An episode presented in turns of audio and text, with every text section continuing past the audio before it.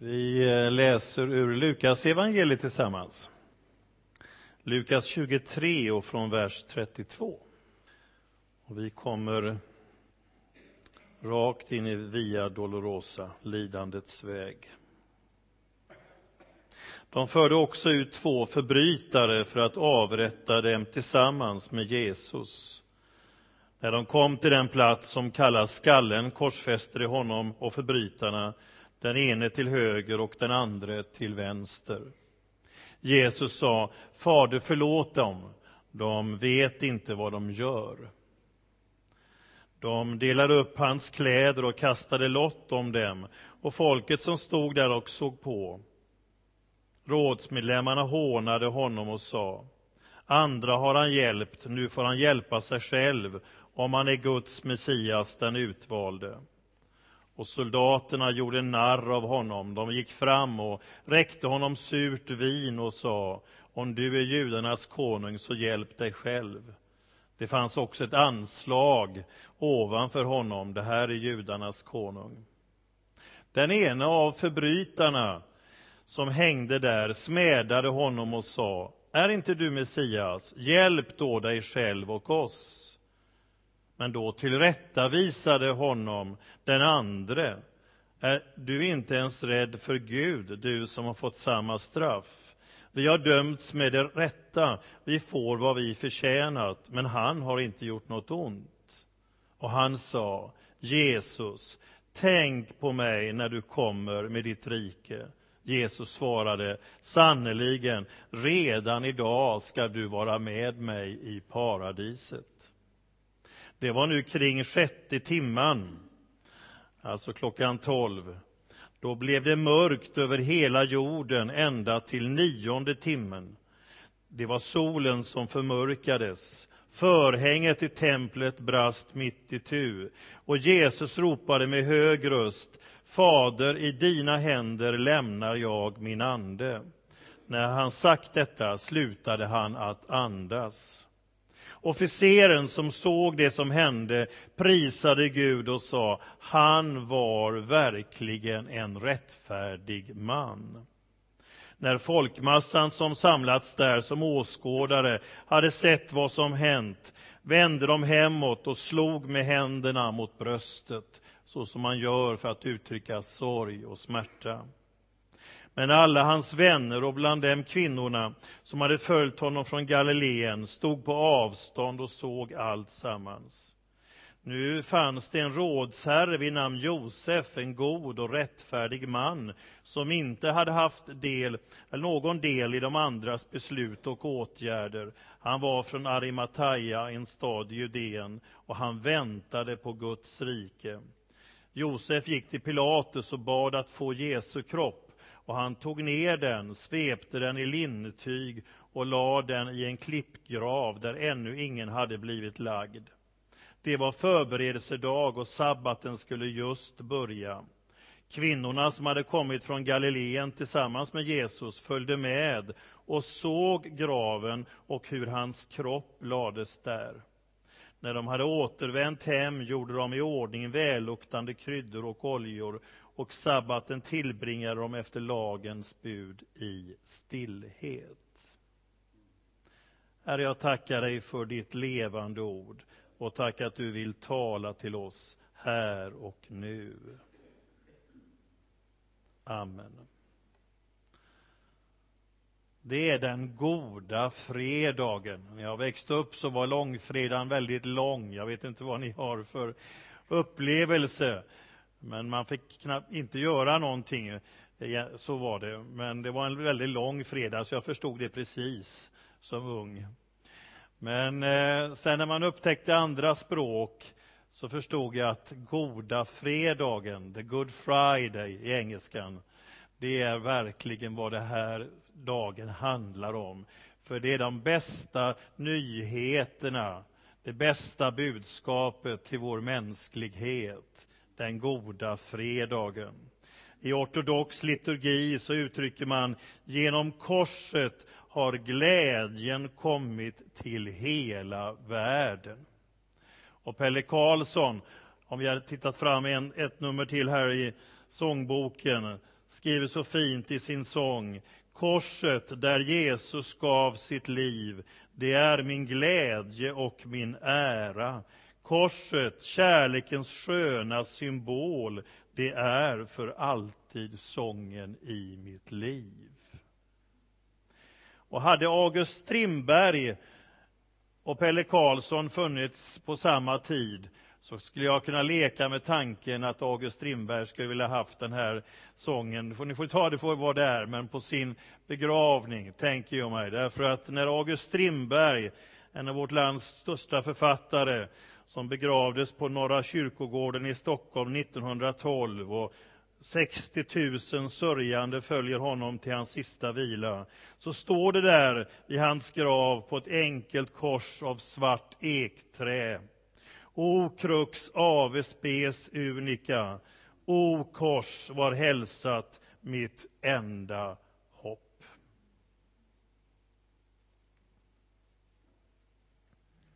Den goda fredagen talar om en Gud som älskar människan och som älskar syndaren. Det är unikt för kristen teologi.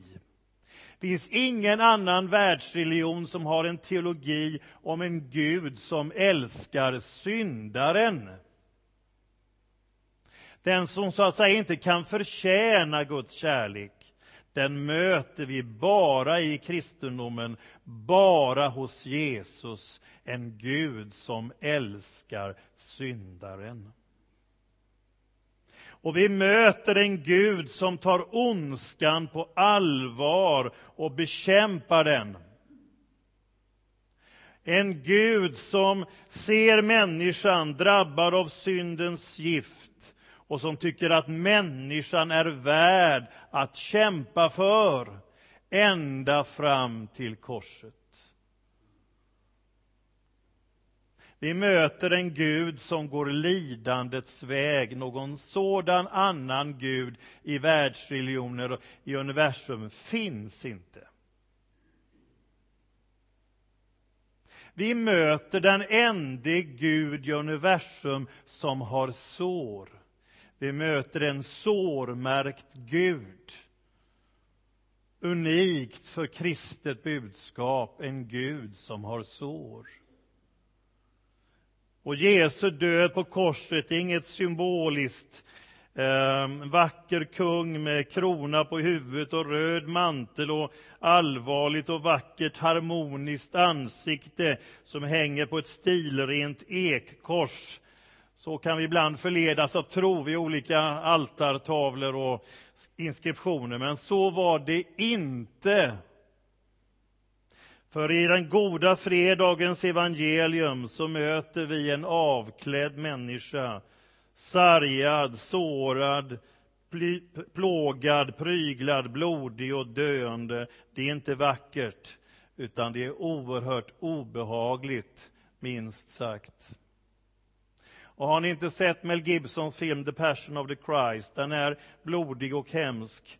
Eh, men den tror jag kommer närmast evangeliet, en lidande Gud, den enda Gud som har sår. Och så talar den goda fredagen om en Gud som sonar världens synd. Det var ju påskseden att en förbrytare skulle friges. Och de religiösa ledarna, som var så avundsjuka, står det, på Jesus uppeldade folket till att ge Barabbas fri. Pilatus hade ändå tänkt att han skulle kunna rädda Jesus, jag tror så. hade han lyssnat ordentligt på sin fru så hade det blivit så om ni läser texterna. För hans fru hade en dröm. Du ska inte, ja, han hade förstått, men eh, han tänkte nu får jag en väg här. Men folket valde Barabbas. Och det är också symboliken, hur vi som Jesus som då den oskyldige korsfästs för att dö, den skyldige Barabbas blir frikänd. Och vi är alla utlämnade åt döden på grund av vår synd. Men Jesus dör för oss för att vi skulle gå fria och få liv. Ingen annan människa har någonsin påstått sig sona världens synd. Det är bara Jesus som gör det. Det är bara han som har kommit som försoningsoffer för världen. Han förkunnar ingen frälsningsteknik, utan han ger sitt liv som försoningsoffer för dig och mig, för hela världen. Och vi möter i den goda fredagen en Gud som berörs av ditt och mitt liv, som älskar oss på det ofattbara sättet ända fram till korset.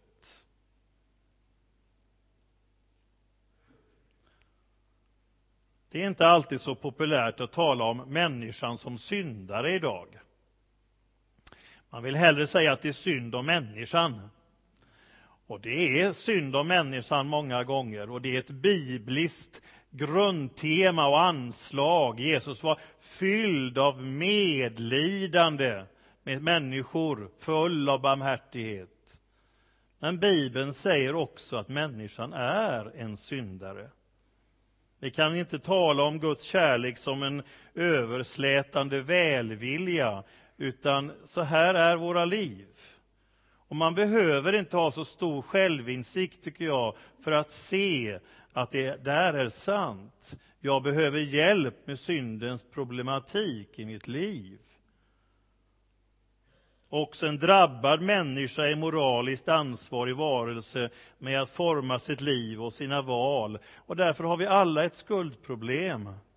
Och Gud har tagit det på så stort allvar att han låtit Kristus dö i vårt ställe för att rädda oss undan förtappelsen och låta oss få det eviga livets gåva. Den goda fredagen talar om det förunderliga som sker här nu klockan tolv på fredagen. Det blir mörkt över hela jorden ända fram till klockan tre. Solen förmörkades, förhänget i templet brast mitt i tu.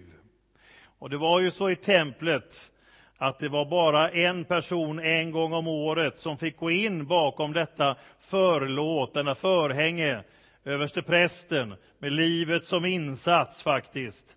Man fick fästa ett rep i honom och bjällror på honom så man hörde att han levde när han skulle gå in i det allra heligaste med folkets synd på försoningsdagen.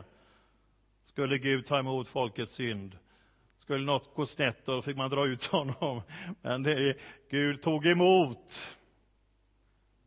Men så sker detta märkliga, och det är inget litet lakan som hänger där, utan det är 18 meter högt, 9 meter brett och en decimeter tjockt. Så var förhänget. Och man sa att det krävdes 300 präster för att ta ner det här. Det rämnar uppifrån och ner när Jesus ger upp sin ande. Uppifrån och ner. Jesus slutade att tala, men Gud fortsatte att tala. Det blev jordskalv, det blev mörker och förlåten rämnar uppifrån och ner. Och vägen in i det allra heligaste ligger därmed öppen för alla. Frälsningen är möjlig för alla. Genom Jesus Kristus, genom hans offer, genom hans kropp så att säga, så är vägen öppen för var och en. Frälsningen är möjlig för alla. Han hånas tre gånger av officerarna, av rådsmedlemmarna och av en av rövarna. Ska du inte hjälpa dig själv nu? Stig ner, du som är Messias, den levande Gudens son. Det var väl ingen match? Då sa de, då ska vi tro. Men vi tror på honom därför att han inte steg ned. Vi tror på honom för att han inte steg ned. Och så blir det mörker. Det var ingen vanlig solförmörkelse. För påsken infaller ju en tid när det är nymåne eller fullmåne som gör att det kan inte bli en vanlig solförmörkelse, utan det här är något övernaturligt. Och den solförmörkelsen, jag vet att Ivar såg den här senast. Var det någon mer som kunde se den? Var det någon som var på Färöarna? Nej, det kunde man inte se, för Ivar hade en bror där. Och det var lite jobbigt för Ivars bror, för han, eh, Ivar såg bättre på Chalmers än, än, än, än hans bror som stod på Färöarna. Ja. Och det pågår några minuter, det här pågick i tre timmar. När Jesus föds så sker ett övernaturligt ljus. Natten blir till dag. När Jesus dör sker ett övernaturligt mörker. Dagen, ljuset, blir till natt. Hur går det till? Ja, i min värld så har jag inget problem med det. Om Gud som är universums skapare och herre och livgivare, han kan ha vad som helst i sin bakficka om ni förstår mig. Och han kan göra det som honom behagar. Han gjorde natten ljus när Jesus föddes och när Jesus dör så blir dagen natt. Också en symbolik för det mörker som drabbar Jesus när han tar världens synd på sig och säger min Gud, varför har du övergivit mig? Det var mörker omkring honom, det var mörker i honom. Han bar världens synd.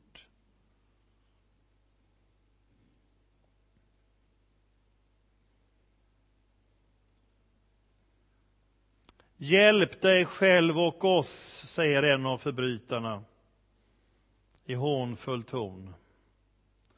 Då säger den andre, vad pratar du för strunt? Han har inte gjort något ont. Vi får vad vi har förtjänat.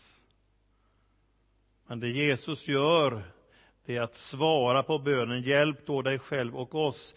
Om han hade bara hjälpt sig själv hade vi varit förlorade, men han hjälpte någon, den andra rövaren. Det är vad han gör i de sista skälvande ögonblicken av deras liv. Och där förs den viktiga aspekten in att i de sista döende timmarna av Jesu liv och verksamhet så skymtar en början fram. Människosonen har kommit för att söka efter det som var förlorat och rädda det, står det tidigare i Lukas evangeliet. Och det är precis det som Jesus gör på korset. Rövaren säger, tänk på mig när du kommer med ditt rike, eller annan läsart, när du kommer till ditt rike, eller som det stod i 1917, när du kommer i ditt rike. Tänk på mig, han ber bara om en tanke. Och då säger Jesus de överraskande orden, sannerligen, redan idag ska du vara med mig i paradiset. Redan idag. Och vad rövaren säger visar här, säger många saker i detta. Tänk på mig när du kommer i ditt rike. Han säger att han har det är ett uttryck för omvändelse och tro. Han bekänner att själen inte dör med kroppen, det finns en annan värld. Att Kristus, även om han fick lida, hade ett rike att ta i besittning och att Kristus hade nyckeln till det riket även om han nu hängde på ett kors och led. Och så uttrycker rövaren med sina ord att han vill knyta sin själs eviga frälsning till den döende frälsaren vid sin sida. Han önskade inte befrielse från korset, utan frälsning för sin själ. Herre, tänk på mig. Och detta är så typiskt Gud, det som händer. Det är så typiskt Gud. En dödsdömd rövare som tar emot Kristus under de sista minuterna av sitt liv blir den första som genom tron på den korsfäste går in i paradiset. Han blir den första och paradiset är ett låneord från gammal persiska som betyder trädgård eller inhägnad park och som man också använder i språket och bilden av Edens lustgård. Den som går in i Guds trädgård i paradiset, i himmelriket. Den förste som kommer dit är en dödsdömd rövare. Och denna, detta, mina vänner, jag har sagt många gånger förut och säger igen. Denna frälsning som den här rövaren får erfara finns inte i någon annan frälsningslära av alla världens religioner. Den möjligheten till frälsning är utesluten överallt annars, men den finns hos Jesus. Den finns hos Jesus. Han var ju fastspikad, det var ju inte ett smack han kunde göra för att förändra sitt läge med någon handling. Han kan säga bara tänk på mig. Han ber om en tanke och Jesus säger du ska vara med mig. Du blir den första som går in med mig i himmelriket. Fantastiskt. Sen är det dramatik. Jesus dör här vid tretiden och det är tre timmar kvar till sabbaten bryter in och nu är det bråttom. Vad de morske lärjungarna har tagit vägen vet vi inte riktigt. Några kanske var med där. Det var kvinnorna som följde hela vägen.